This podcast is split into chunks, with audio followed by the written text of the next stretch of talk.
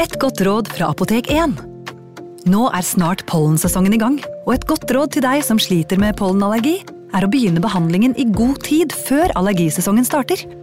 Da får du nemlig enda bedre effekt av legemidlene, og så blir ikke våren din helt ødelagt. Kom innom og få råd på ditt nærmeste Apotek 1, eller chat med oss på apotek1.no. Apotek 1 vår kunnskap, din trygghet.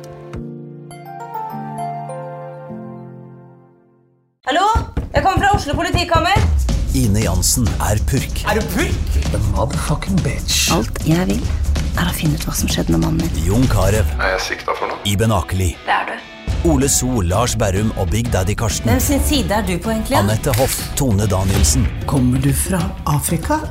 Jørnis Josef, Nesten kløfta. Trond Espen Seim, Det er synd å si det, men det var feil mann som døde. Purk.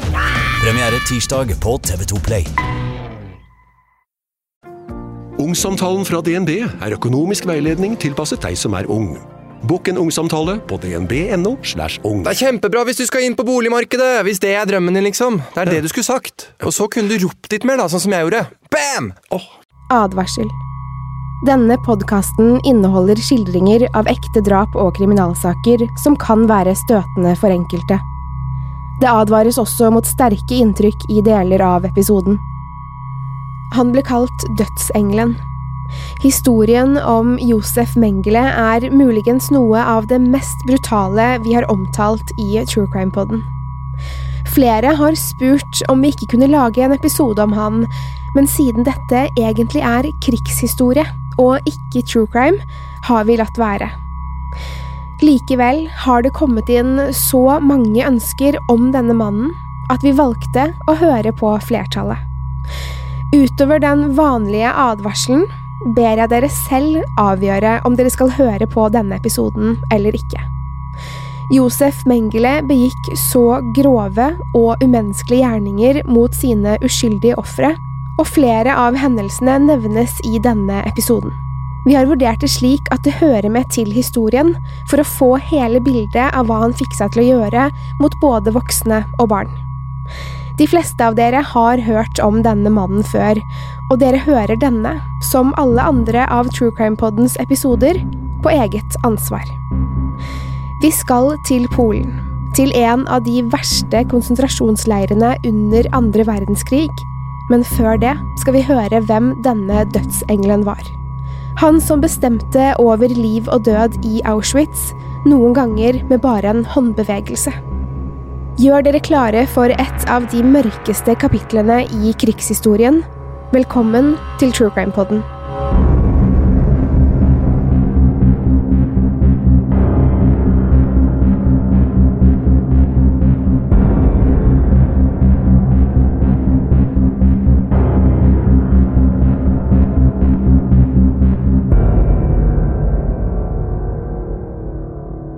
Den 16. mars 1911 i Gunsburg i Tyskland ble han født, Josef Mengele. Han var eldst av fire barn og kom fra en suksessrik industrifamilie. Faren Carl Mengele eide fabrikker og tjente gode penger som gjorde at Josef og søsknene fikk gå på fine skoler. Carl Mengele hadde tenkt at sønnen en dag skulle ta over familiebedriften, men Josef ønsket ikke det. Han hadde store drømmer og ville heller bli lege. Som liten var Josef et ganske vanlig barn med normale interesser, men var litt sjenert. Han var sin mors øyensten, den store favoritten blant de andre barna. Moren favoriserte Josef, muligens fordi han var mye syk som barn. Av et sykehusopphold ble Josef borte fra skolen i nesten seks måneder. Det gjorde at han lå langt bak faglig, men det stoppet ikke den lille gutten. Han jobbet iherdig med en uvanlig selvdisiplin for å ta igjen det han hadde gått glipp av. Etter hvert lå han foran de andre klassekameratene. Josef imponerte lærere og foreldre med sin faglige fremgang, og det var på denne tiden han bestemte seg for å studere medisin som voksen. Han hadde latt seg imponere av legene på sykehuset. Deres myndighet og kunnskap appellerte til Josef. I ungdomsårene forsvant sjenansen, og Josef blomstret opp til å bli en kjekk, ung mann, høflig og velkledd. Han er beskrevet som en ekte gentleman og en god danser. Mange unge kvinner svermet for Josef i studietiden, og han var ikke fremmed for å be kvinnene ut på date. På universitetet i München studerer Mengele medisin. Han interesserer seg også for politikk. Han begynner å gå på politiske møter, og kjenner en stor tilhørighet til det politiske partiet. Han liker å diskutere med de andre på møtene, og det er her tematikken om rase kommer opp. Josef Mengele er enig i at den ariske rasen er den sterkeste, og fascineres også av gener og arv. Siden Mengele, som snart er ferdigutdannet lege, forstår hvordan gener og arvemateriale fungerer, ser han også hvor logisk det er å kunne bruke denne kunnskapen for å skape det perfekte ariske mennesket og eliminere de svake i samfunnet. Dette er i tråd med hva det politiske partiet hans mener, og i 1937 melder han seg inn i nazistpartiet. Året etter har Josef Mengele to doktorgrader. En i generell medisin og en i antropologi. Han blir også med i SS i 1938, der Heinrich Himmler er leder. Han søker seg til en praksisplass hos doktor Ottmar von Verschuer, en forsker ved Instituttet for arv og biologi i Frankfurt, som forsket på hvordan man kunne fastslå raserenhet hos mennesker. Mengele får jobben, og lærer at for å være 100% arisk, må man kunne dokumentere at man er av arisk opphav seks generasjoner tilbake. Josef Mengele sjekker sin egen familiehistorie, og han kan til sin store glede dokumentere at han er 100% arisk. Dette var veldig viktig for han. Alle i SS som var helt ariske, fikk tilbud om en tatovering som viste at de var renraset. Av forfengelige grunner takket Josef Mengele nei til denne tatoveringen. Han var opptatt av utseendet og hvordan han tok seg ut, og mente at en tatovering ville ødelegge hans plettfrie ytre. Nazistpartiet vokser seg større og større, og kampen om å fremme den ariske rasen blir viktigere. Jøder, tatere og andre såkalt untermensch, undermennesker, skal utryddes, ifølge nazistpartiet. Mengele er enig i denne tankegangen. Mens han jobber på Instituttet for arv og biologi, treffer han en ung, vakker kvinne. Hun er blond, slank og pen. Arisk tilsynelatende. Josef Mengele ber Irén Schönbein ut på date, og de forlover seg etter bare noen få måneder. Selv om Irene ikke kunne dokumentere at hun var renraset arisk, da en av hennes bestefedres familiehistorie var noe uklar, vil han likevel gifte seg med henne.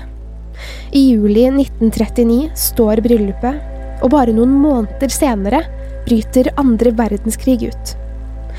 Mengele melder seg til tjeneste. Han ønsker å kjempe for det han tror på. Han slutter seg til Waffen SS og sendes til Ukraina, men er aldri i aktiv kamp. Han jobber som feltlege og redder mange skadde soldater. Etter hvert sendes han til SS-divisjonen Viking og drar to soldater ut av et brennende kjøretøy. Han får jernkorset for sitt heltemot. Mengele skades også i krigen og sendes til sykehus i Berlin. Han er nå blitt kaptein og krigshelt. I 1942 ble Josef Mengele erklært frisk fra skadene, men han var ikke lenger i stand til å jobbe i felten.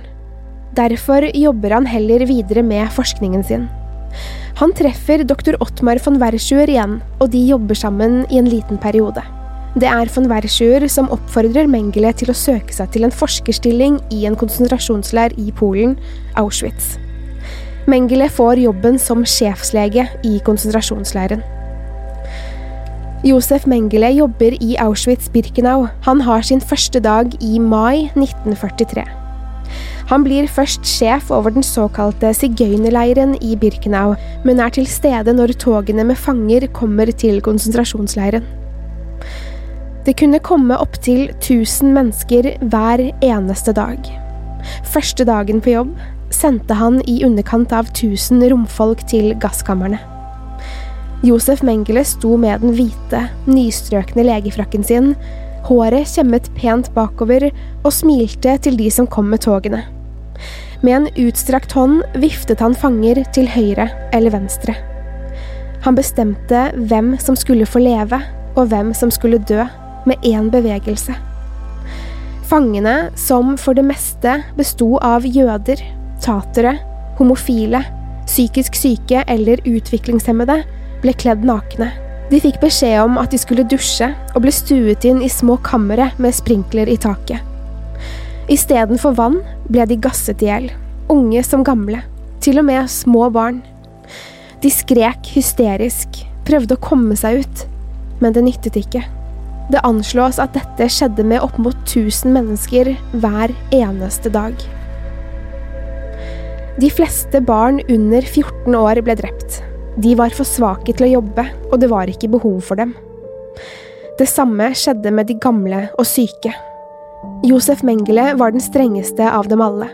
Han bestemte skjebnen til de nyankomne ved 74 anledninger. Flere hundre døde hver gang Mengele fikk bestemme. Det var én spesiell grunn til at Mengele var til stede da fangene kom til Auschwitz. Han så nemlig etter pasienter til forskningen sin. Han ville ha gravide og barn, helst tvillingpar, og folk som så annerledes ut. De som enten var veldig høye, kortvokste, eller mennesker som hadde deformeringer på kroppen. Det var viktig for Mengele å forske på disse, slik at de kunne elimineres. Det var ikke rom for de som var annerledes i den nye verden, det tredje riket, hvor den ariske rasen skulle fremmes. Josef Mengele var mest av alt nysgjerrig på hvorfor noen kvinner fødte tvillinger. Hvis han fant ut hvordan og hvorfor, kunne det effektivisere veksten av den ariske rasen. Tenk hvis hver fødsel produserte to eller flere barn. Da ville snart undermenneskene være utryddet, og verden bli til et bedre sted. Mengele fant ca. 1500 tvillingpar gjennom arbeidet i Auschwitz, men bare rundt 100 overlevde. Ofrene hans ble flyttet til Birkenau, hvor de i starten, som mange andre fanger, bodde under ekstreme og grusomme forhold. Det lå forråtnede lik i gangene, ute i luftegårdene og i noen av sengene, for det var ingen vakter som fjernet lik, det måtte de gjøre selv. Det lå mennesker som var i ferd med å dø av sult og sykdom, og her skulle blant annet tvillingbarna bo. Mengele intervjuet alle tvillingene nøye. Han noterte møysommelig all informasjon om familiehistoriene deres, rasen deres, hvor de kom fra, hva de likte å spise. Han snakket med dem lenge og arkiverte opplysningene deres i et eget filsystem. Det var viktig for Mengele å gjøre dette så vitenskapelig og godt dokumentert som mulig, for han ønsket anerkjennelse for forskningen sin når Det tredje riket var vunnet. Etter intervjuene ble tvillingene vasket, så badet og kledd i rene pysjamaser, som Mengele kalte dem. I virkeligheten var de små fangedrakter. Deretter ble barna tatt med til Mengeles laboratorier. Det ble tatt blodprøver og røntgen av dem, og Mengele, smilende og blid, ga barna søtsaker så de skulle stole på han. Det var slik han fikk dem med på eksperimentene sine, som har sjokkert hele verden. Vi vet nok ikke hele historien om alle grusomhetene som skjedde med dr. Mengeles ofre, særlig alle tvillingene, men vi vet noe. Bedøvelse ble aldri brukt på ofrene under disse horrible eksperimentene. Mengele fjernet organer og kroppsdeler på dem for å se hvor lenge de overlevde uten eksempel en nyre, en lunge, milten, lever eller kanskje ben og armer. Han lot noen sitte eller ligge i iskaldt vann i timevis, eller i skoldende varmt vann. Han injiserte kjemikalier i øynene til ofrene sine i et forsøk på å endre øyenfargen deres. Han kastrerte gutter, en gang hele 19 unge menn på en dag. Han steriliserte også noen av jentene. Sår ble injisert med forskjellige typer bakterier for å kunne overvåke spredning av sykdom, og for å finne ut hvor lang tid det tok før det gikk koldbrann i såret. Det ble utført ulike utholdenhetstester, som for eksempel besto i å påføre kroppen ekstreme mengder elektrisk sjokk, enten til de døde eller var bevisstløse og falt i koma. Et av flere vitner, Ruth Elias, forteller om et tvillingpar som ble sydd sammen i ryggen over håndleddene, som om de skulle ha vært siamesiske tvillinger. Begge døde av infeksjoner og koldbrann. På de kortvokste ofrene dro han ut tenner, la dem i trykkammer og sendte skjelettene deres videre til undersøkelse i Berlin. Han tok blodprøver av dem for å finne ut hva som var galt, hvorfor de ikke vokste mer. De som hadde forskjellige øyenfarger på øynene, enten drepte han, eller bare fjernet øynene slik at han kunne undersøke dem. Hvis én tvilling døde, ble den andre drept med det samme. Dette var for å kunne sammenligne data under obduksjonen. Det var ingen konkret vitenskapelig grunn til at Mengele og hans assistenter utførte eksperimentene. Assistentene har senere fortalt at de trodde eksperimentene ble gjort av sadistiske grunner, ikke for å forske på arv og gener. Et eksempel på det er hvis noen av ofrene hans var gravide, tok Mengele imot barnet under fødselen. Noen ganger lot han barnet dø, eller drepte det selv. Han lot som oftest moren dø i barsel, men om hun overlevde, gjorde han noe annet grusomt. Han fjernet morens bryster, bare så hun skulle kunne se barnet sitt sulte i hjel. Dette var bare ondskapsfullt og hadde ingen vitenskapelig verdi. Josef Mengele likte å påføre andre smerte, fysisk og psykisk. En gang fikk han soldater til å grave et stort hull i bakken i Birkenau og fyre opp et stort bål.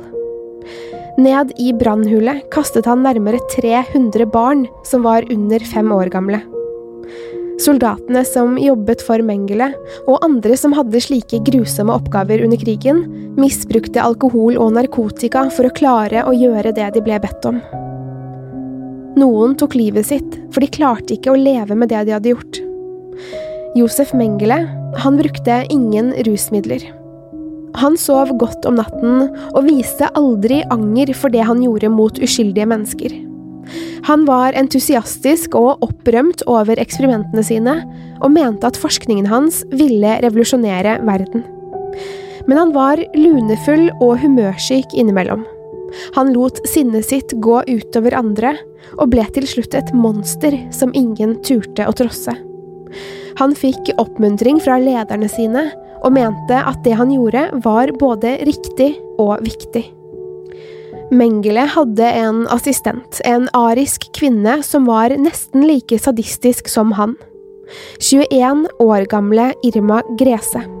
Sammen plukket de ut passende ofre til eksperimentene sine mens de gikk rundt i konsentrasjonsleiren. Det skal også nevnes at mange av ofrene til Mengele ble med frivillig i eksperimentene. De fikk nemlig bedre bovilkår og mer mat enn de andre fangene. Mengele hadde til og med laget en slags barnehage og skole for barna, og de likte han og stolte på han. Flere kalte han onkel Mengele. Fra å gi dem godteri og leke med barna en dag, til å så drepe dem og sende dem i gasskamrene, var uproblematisk for legen. Mengele likte å plukke ut vakre, unge kvinner som ble kledd nakne og vist frem for han. Åpenbart opphisset av dette tok han med seg den han likte best inn på et rom. Man kunne høre grusomme skrik mens de var der inne. Kvinnene overlevde sjelden. Kroppene deres var ugjenkjennelige etter at Josef Mengele var ferdig med dem. De var så alvorlig skadde at de måtte avlives om de ikke døde rett etterpå. Krigen begynte å nærme seg slutten, og selv om Mengele visste at slaget var tapt og at russiske og amerikanske styrker var på vei til Auschwitz, fortsatte han eksperimentene sine til siste slutt. Han flykter under falsk identitet til Tyskland, men blir arrestert to ganger av amerikanske styrker. Fangene ble avkledd og studert nøye for eventuelle merker, f.eks. tatoveringer som viser hvem de er eller hva de gjorde under krigen. Heldigvis for Mengele tok han aldri den tatoveringen som beviste at han var 100% arisk, slik som mange SS-soldater gjorde. De som hadde tatoveringen, ble skutt og drept. Mengele kom seg unna i alt kaoset i juli 1945. Han flyktet først under navnet Fritz Ullmann, men endret etternavnet senere til Holman. Mengele visste at han ikke kunne reise hjem til kona og sønnen, for han var ettersøkt overalt. Heldigvis var Josef Mengele et ganske vanlig navn, flere het Josef Mengele, og så lenge han holdt seg til sin nye identitet, burde han være trygg. Mengele jobber en periode i en arbeidsleir, men får besøk av kona hver uke. Hun på sin side later som hun er enke, og holder begravelse for mannen sin. I 1947, mens Nürnberg-rettssakene pågår, nevnes Josef Mengeles eksperimenter. Flere vitner avgir forklaring, og deler av forskningen hans offentliggjøres. Han blir portrettert som et monster, og forstår at han ikke er trygg i Tyskland lenger, selv under falskt navn. Han bestemmer seg for å rømme landet. Valget faller på Argentina. Mengele vet at presidenten Juan Perón er nazistvennlig, og at flere nazister bor i Argentina. Perón lar nazister få oppholdstillatelse i landet, og Mengele ser dette som sin eneste mulighet. Josefs far Carl er en rik mann, og betaler villig for sønnens rømningsplan. Josef Mengele reiser fra Rosenheim i Tyskland, der han jobbet i arbeidsleiren, og gjennom Brennerpasset til Innsbruck i Østerrike. Han oppholder seg der i en måned, før han reiser videre til Genova i Italia med tog, hvor han skal ta båten North King helt til Buenos Aires.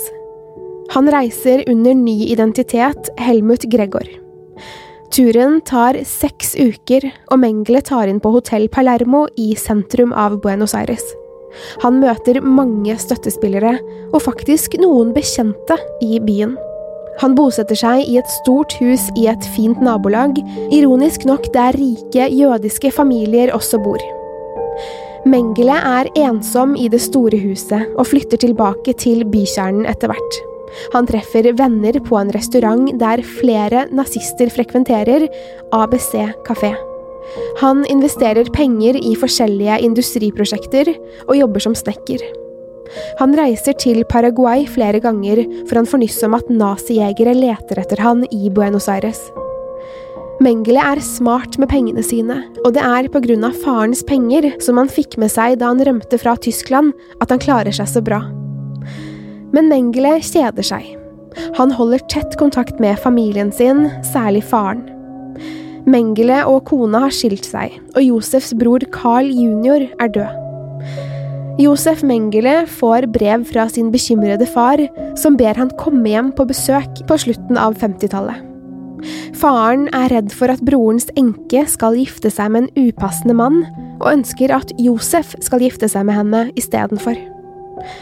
Josef reiser hjem, men denne gangen under sitt eget navn.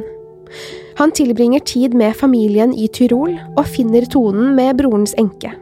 De gifter seg, og hans nye kone og to sønner flytter til Argentina med han. Josef Mengele er ikke en populær mann. Han er oppfarende, hissig og veldig uhøflig. Han behandler folk rundt seg dårlig, og har mange uvenner. Likevel er det ingen som angir han, selv om de kunne. Josef Mengele jaktes kontinuerlig av Mossad og andre nazijegere.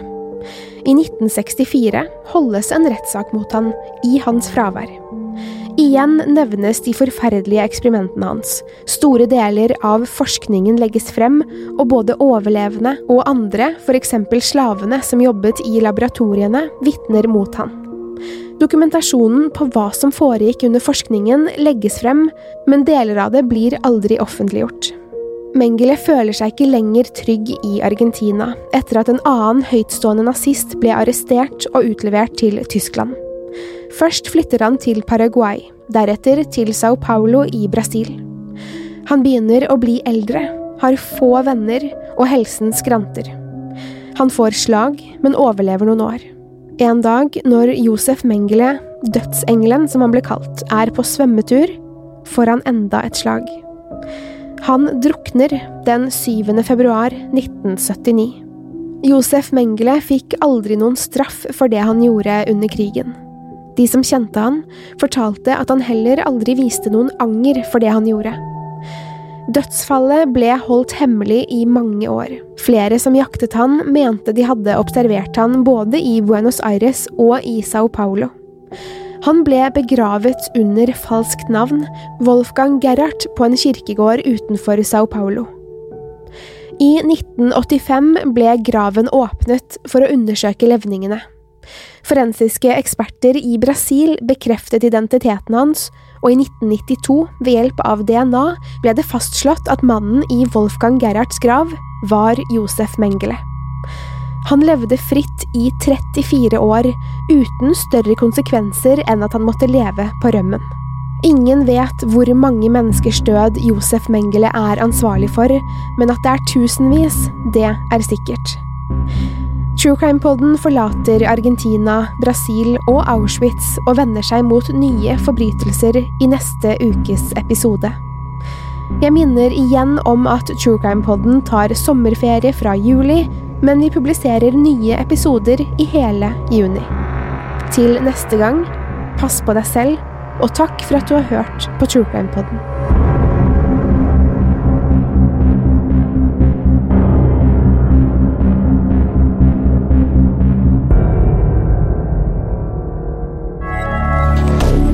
moderne media.